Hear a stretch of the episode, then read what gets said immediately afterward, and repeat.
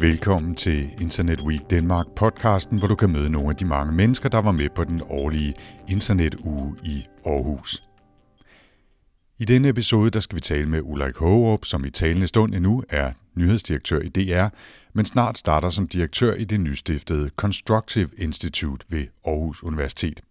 Det er et institut, der skal bidrage med udvikling og implementering af højere journalistiske standarder, analyser, forskning og meget mere. Og det handler netop især om konstruktiv journalistik i denne samtale med Ulrik Hågerup, der også holdt oplæg til prisfesten på Internet Week Danmark. Jeg optager lige kaffemaskinen, fordi øh, øh, nu skal vi snakke journalistik, så skal der kaffe til. Det er klart.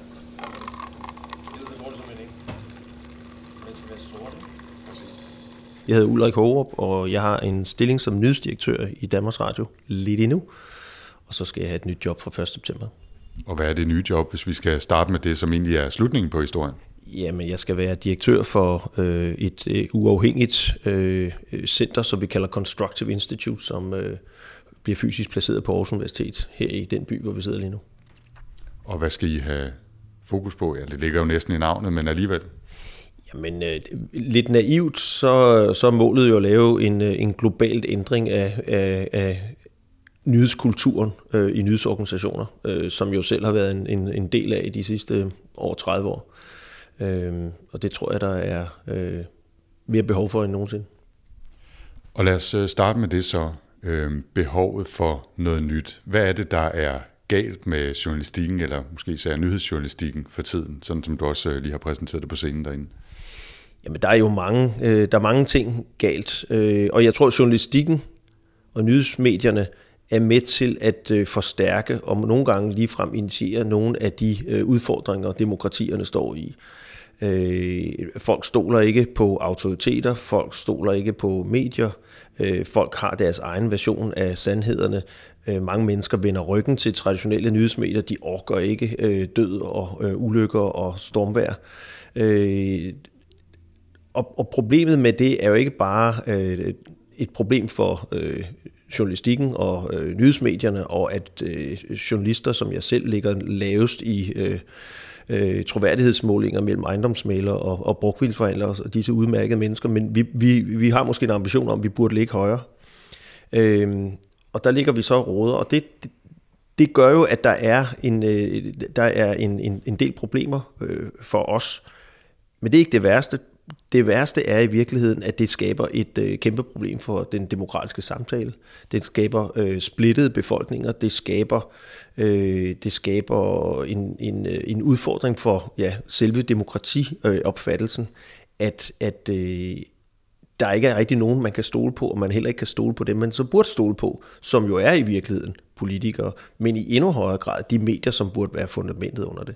Men lige så meget som jeg er bekymret for det, så er jeg også helt overbevist om, at journalistik er også en, det er også løsningen på mange af de udfordringer, vi har. Men det kræver, at vi tør se det i øjnene, og at vi tør ændre os, og vi tør, tør øh, påtage os det ansvar, som vi har. Øh, og det tror jeg faktisk godt, vi kan. Der inde på scenen, Ulrik, der nævnte du tre typer journalistik, ja. som er forskellige og som har hver deres rolle, ja. men vi mangler den tredje hvis jeg skal opsummere. Men nu, du må heller lige selv fortælle, hvad er de tre typer journalistik, og lidt om deres karakteristika, og, og hvor kommer din øh, tredje ind så? Ja, de, de to, som øh, jeg og de fleste andre, der er uddannet på journalistuddannelser, både Danmark og resten af verden, øh, lærer om, det er sådan den, den ene, som handler om de hurtige nyheder, øh, som vi i dag kalder øh, breaking-bølgen. Øh, øh, som jo er udmærket, fordi nyhedsmedier skal jo også være med til at fortælle folk om det, der sker, øh, og, og nu nærmest også, mens det sker. Øh, og det synes jeg sådan set er, er, er en, en stor opgave for nyhedsorganisationer, vel at mærke, hvis det er rigtigt, det man fortæller. Øh, det handler altid om lige nu, og målet det er hastighed. Øh, det skal være så hurtigt som muligt, og vi spiller en rolle som politibiler, eller vi rykker ud til tingene, og vi vinkler øh, historierne på øh, noget, der er dramatisk, eller noget, der er konfliktfyldt. Øh, og det er den måde, vi gør det på. Vi stiller nogle spørgsmål, når vi laver breaking news, og forsøger at få svar på dem. Det er sådan, hvad er der sket, hvor er det sket, hvorhenne, øh, hvem og var involveret, og hvad koster det, og den slags ting.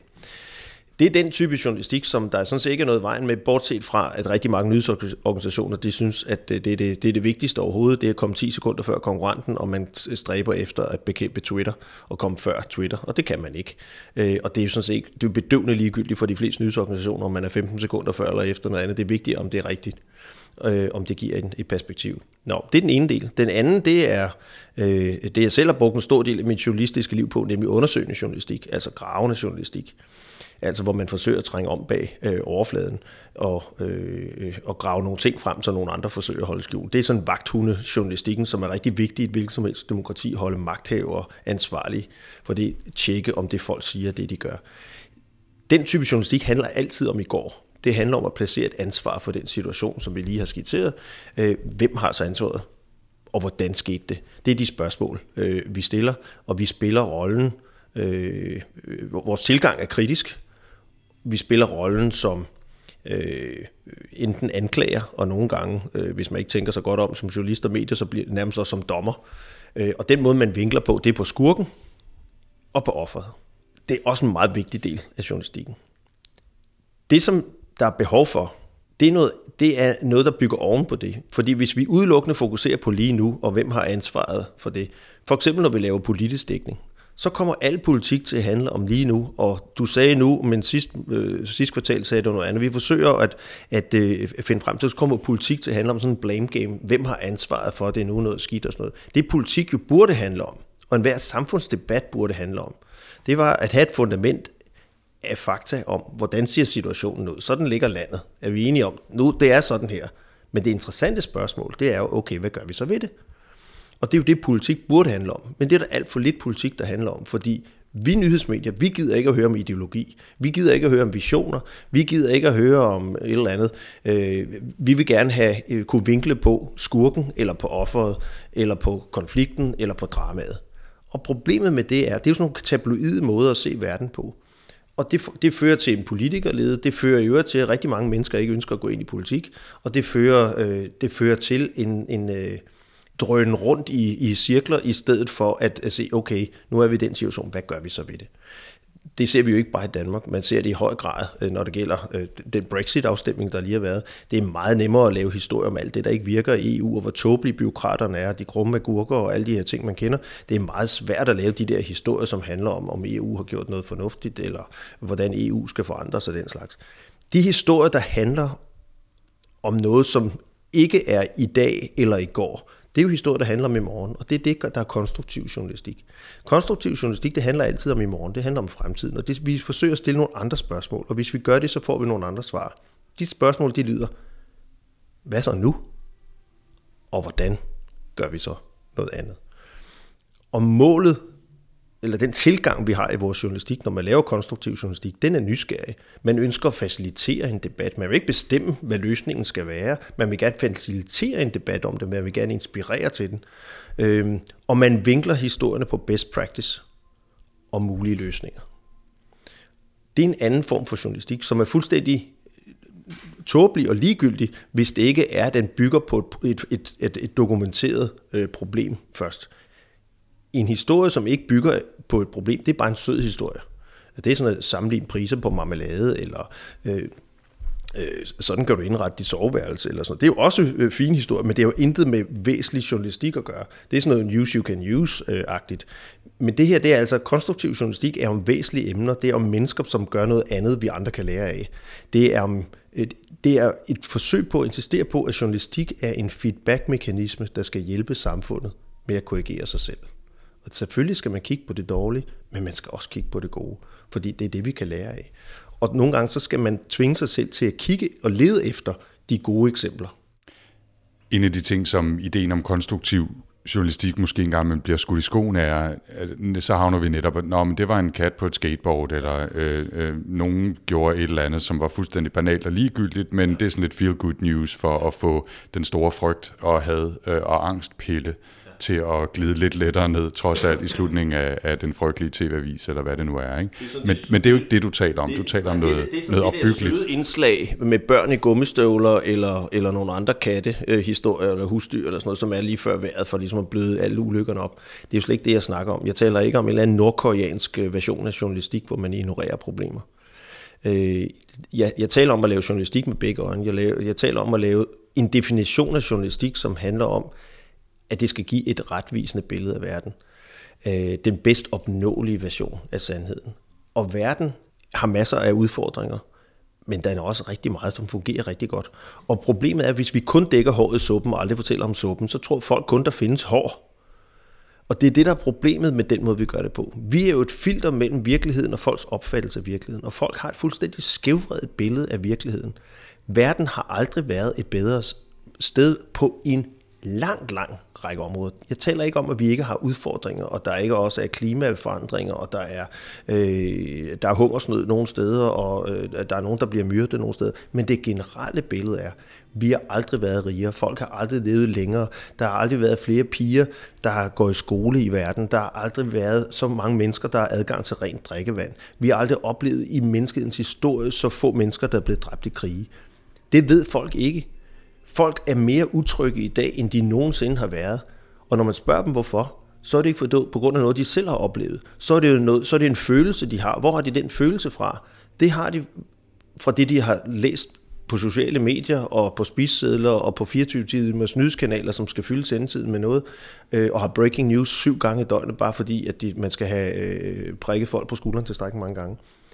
Det er jo ikke reelt, og så, så, så misforstår vi vores opgave, og så kommer vi til ikke at gavne demokratiet, som journalistik skal, og befolkninger. Så, så skaber vi apati, vi skaber disengagement og folk trækker sig tilbage fra den offentlige debat, de trækker sig tilbage fra, fra, fra samfundsdiskussionen, fordi det hele er forfærdeligt, det er også håbløst det hele, og jeg orker det i øvrigt ikke. Og nu har folk for første gang i verdenshistorien fået alternativ til de her traditionelle medier. Man kan jo spille Playstation i timevis, man kan øh, gå og se Netflix-serier hele sit, resten af sit liv, man kan man kan gå, blive opdateret på ens øh, 470 nærmeste venners tåbelige øh, liv, øh, og blive bekræftet det verdensbillede, som de har, plus de øh, øh, mærkelige feeds, som man så øh, abonnerer på, som jo også bekræfter det billede, man har i forvejen. Og hele den udvikling er jo med til at skabe nogle samfund, som bliver mere og mere polariseret, hvis vi ikke passer på. Og der har journalistikken en rolle. Ulrik, nu sidder vi jo på Internet Week Danmark øh, her i Aarhus i øvrigt, øh, og derfor er det jo naturligt også at stille nogle spørgsmål omkring internet og, og digital teknologi i øvrigt. Og nu får du lige et dobbelt spørgsmål, det ved jeg godt, det skal man aldrig gøre, men jeg ved, du kan håndtere, jeg ved, du kan håndtere det. Ja. Men øh, det, det første er, Hvordan har, øh, lad os bare sige nettet som sådan en slags øh, kortformsudgave af øh, hele digitaliseringen, spillet en rolle måske i at forværre den udvikling, vi har set i retning af nyheder, der gør os angste og disengagerede osv.? Og hvordan tror du og håber du måske, at teknologien kan bruges til at øh, styrke og, og øge den konstruktive journalistik? Jamen, teknologien har jo speedet øh, udviklingen voldsomt op. Altså, vi er nu til stede hele tiden.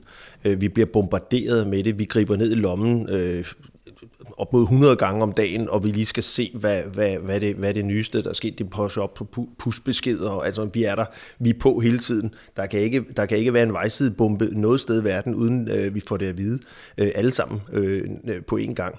Så, så teknologien har jo med til at skubbe til det, at vi lever i en global øh, landsby. Vi, øh, der er jo døde folk i mærkelige orkaner øh, i hele verden, øh, i hele menneskehedens historie, men det er først nu, at vi får det at vide, at der er døde nogle mennesker i Kina, som følger en eller anden, øh, at det blæste særlig meget de der. Og det giver jo en følelse af, at det, det er jo også forfærdeligt øh, hele tiden. Øh, så det er det ene, det har, det har speedet, det, har speedet øh, det op. Øh, den anden ting, som ikke mindst algoritmerne øh, i øh, sociale medier, og ikke mindst Facebook har gjort, det er jo, at, at øh, folk har en, en opfattelse af, at øh, de får jo stort set alt, hvad deres øh, venner og alt, hvad der bliver postet af det, de nu abonnerer på. Det er jo ikke rigtigt. Det bliver jo sorteret. Øh, og det bliver sorteret ud fra de her algoritmer, som teknologien har været i stand til at, øh, at, at hjælpe Facebook med. Øh, og, når man laver, altså, og det helt afgørende er, hvad det er for nogle algoritmer. Og det man kan konstatere, det er, at den type historier, som genererer store følelser, det er altså enten historie, som du enten hader, eller historie, som du elsker. Øh, posts er det nyhedshistorie, der er vinklet sådan, så at, at det, det, det rammer dit følelsesliv. Den type historie bliver boostet meget mere med Facebooks algoritmer, end historie, der handler på den ene side, på den anden side, og så kan man også sige, altså nuancer har det rigtig svært i det der. Og hvis det er det, jeg prædiker, det er, at vi skal se verden med begge øjne, og der også er, at, at, øh, at, at verden ikke altid er sort og hvid, jamen den type historie kan have det svært i en, i en ny teknologisk verden. Så, så det har jeg hørt sammen med nogle andre redaktører en, en dialog med, med Facebook om, fordi det er jo Øh, Øh, Facebook er jo den situation, at det er jo blevet, det er jo blevet verdens største medie. Øh, det er jo ikke bare en teknologiplatform, det er blevet verdens største medie. Øh, og hvis man er verdens største medie, så følger der et øh, ansvar med, der følger udgiveransvar med. Det er også derfor, Facebook ikke ønsker at, ligesom at gå ind i en dialog om det, fordi hvad skal man, øh, altså hvad gør man så? Øh, og så, så det er ikke fordi, jeg ikke kan forstå, at Facebook har et kæmpe problem, men når man bliver så stor, så har man også et, et ansvar for, at det, der bliver viderebragt, det er sandt. Og det, det ved jeg, at Facebook forsøger at tage alvorligt, finde nye måder at gøre det på. Men det har, det har jo været med til at skubbe til det her med, at, at alle kan pludselig udgive hvad som helst. Øh, og vores opgave som traditionelle nyhedsmedier, det er jo også at uddanne befolkningen til at være kritiske mediebrugere. Så det, er, det er ikke nok, du har set billedet på Instagram, altså, og så tror, det er virkeligheden. Altså er det manipuleret? Hvad handler det virkelig om? Hvem kommer med det? Hele det der har vi jo blandt andet lavet noget, vi kalder i sandhedens tjeneste i DR, hvor vi er ude hos halvdelen af en ungdomsårgang sidste år, 34.000 unge, og forsøgt at lære dem lidt om, at det, man, man skal ikke tro på hvad som helst. Det er ikke nok, man har det fra Google eller set det på Instagram man bliver nødt til at vide, hvor kommer det fra. Journalistik handler om kuratering, og der er vidt forskellige udgivelsesgrundlag på de forskellige udgivelser, der er. Øh, så, så det skal vi gøre. Så dit andet spørgsmål, som jeg så nu kan huske, øh, det handler om, jamen kan teknologien også være med til at hjælpe os? Og det tror jeg jo, den kan, hvis vi bruger den rigtigt. Øh, der har været, vi skal jo passe rigtig på med, at vi ikke kommer til at lave samme fejl, som aviserne gjorde, da internettet kom frem. Internettet, som vi kaldte det dengang så håber man jo først, det gik over, fordi det var jo noget mærkeligt noget. Da de så ikke gjorde det, jamen så forsøgte man så, kan vi så ikke bruge internettet som en markedsføringskanal for vores indhold, så vi kan trække øh, folk over til vores avisindhold, og vi kan få dem til at betale for avisen. Det kunne så ikke lade sig gøre. Så lagde vi bagefter alt indholdet gratis ud på internettet, og håber, der kunne komme forretning ud af det. Det kunne der så heller ikke. Nu har vi så til gengæld vendet folk til, at al journalistik det er gratis øh, på nettet. Øh, så kom sociale medier, så gentager det samme sig igen, også med tv-stationer, hvor man først tænker, kan vi ikke bruge det som en markedsføringskanal? og trække indhold, altså trække folk over til det. Og derefter så tænker vi, er det ikke bare en ny distributionsform for den samme form for journalistik, som vi lavede før. Fuldstændig som internettet, det gentager sig selv med sociale medier. Men sociale medier er jo fantastisk derved, at det giver medier en mulighed for et, et, noget andet end en monolog, bare på nye kanaler. Det giver en mulighed for interaktion, det giver et, et, et, en, en mulighed for en dialog. Og hvis jeg er ret i, at en af de opgaver, vi har, det er i vores samfund, hvad enten det er som lokal medie, eller regional, eller national, eller global medie, det er at facilitere en samtale. Så er de sociale medier jo skabt til den opgave at facil- altså være facilitator for den samtale. Men det kræver, at man gider at høre, at man, man kaster noget ud og får noget tilbage, og, og, og man ikke bare bruger det til at sige, kan I ikke sende jeres billeder af nogle flotte regnbuer, så kan vi bringe nogle af dem i, i vejrudsigten om aftenen. Men at man rent faktisk siger, jamen her har vi dokumenteret et problem, lad, lad os, at, kan I komme med nogle forklaringer og fortællinger om, hvordan, hvordan oplever I sådan og sådan, og når man har gjort det, er der nogen, der har gode idéer til, hvordan kan man løse det her? Landsbyerne øh, øh, lukker, fordi ingen sådan og sådan. Er der nogen af jer, som bor i nogle landsbyer, hvor man rent faktisk skal begynde at gøre noget andet? Hvordan er det lykkedes at, øh, at, øh, at bevare butikken åben i jeres landsby? Har I besluttet for, at I handler mere det, eller sælger de nogle andre varer, eller er de sat prisen ned, eller hvad var det? Lad os få nogle, nogle bud på det, med henblik på, at vi alle sammen kan lære noget om det. Der er sociale medier helt fantastisk til det. Og det, det er vi først lige begyndt at, at, at få øjnene op for. Og dem, der bliver dygtige til det, de medier, der bliver dygtige til det, de vil være i stand til at lave noget meningsfuldt, øh, som folk ovenikøbet gider at give penge for, tror jeg. Og øh, hvis, hvis man ikke som medie er i stand til at levere noget, som giver mening for folk, så er det meningsløst, og det der er meningsløst, det er værdiløst, så får man aldrig nogen til at betale for det. Og så har vi kun øh, øh tåbe journalistik, som er lavet på, øh, på, på 10 minutter af nogen, som måske ikke engang er, øh, hverken har øh, uddannelse eller øh, øh etik øh, til at påtage sig det ansvar at kuratere indhold for folk. Så lad os håbe, øh, Ulrik, at øh, du og I får held med at lave nogle nye konstruktive nyheder og en ny konstruktiv journalistik på sociale medier og alle mulige andre steder. Det er jo det vigtige. Vi, vi forsøger ikke at lave et medie. Vi forsøger at øh, vi forsøger på forskellige måder at skabe en kulturel ændring i nyhedsbranchen ved at øh, involvere os i journalistuddannelser, lave nye journalist øh, undervisningsmateriale, ved at udvikle nye koncepter, ved at øh, udnytte det, at vi er på et af verdens bedste universiteter, hvor vi kan tiltrække nogle dygtige journalister fra Danmark og udlandet, hvor de kan komme i 10 måneder og blive klogere på deres stofområde, sådan at de ved, hvad er de store udfordringer, og vi kan fortælle dem lidt om, hvad er de mulige løsninger på det her, og hvordan kan man lave journalistik på det. Det er det, der er målet. Og således sluttede denne episode af Internet Week Danmark podcasten. Du kan høre flere samtaler, reportager og stemningsbilleder fra festivalen ved at abonnere på podcasten selvfølgelig, og vil du vide mere, ja, så kan du besøge internetweekdenmark.com. Podcasten bliver produceret af Podlab for Internet Week Danmark. Jeg hedder Anders Høgh Nissen. Tak for denne gang.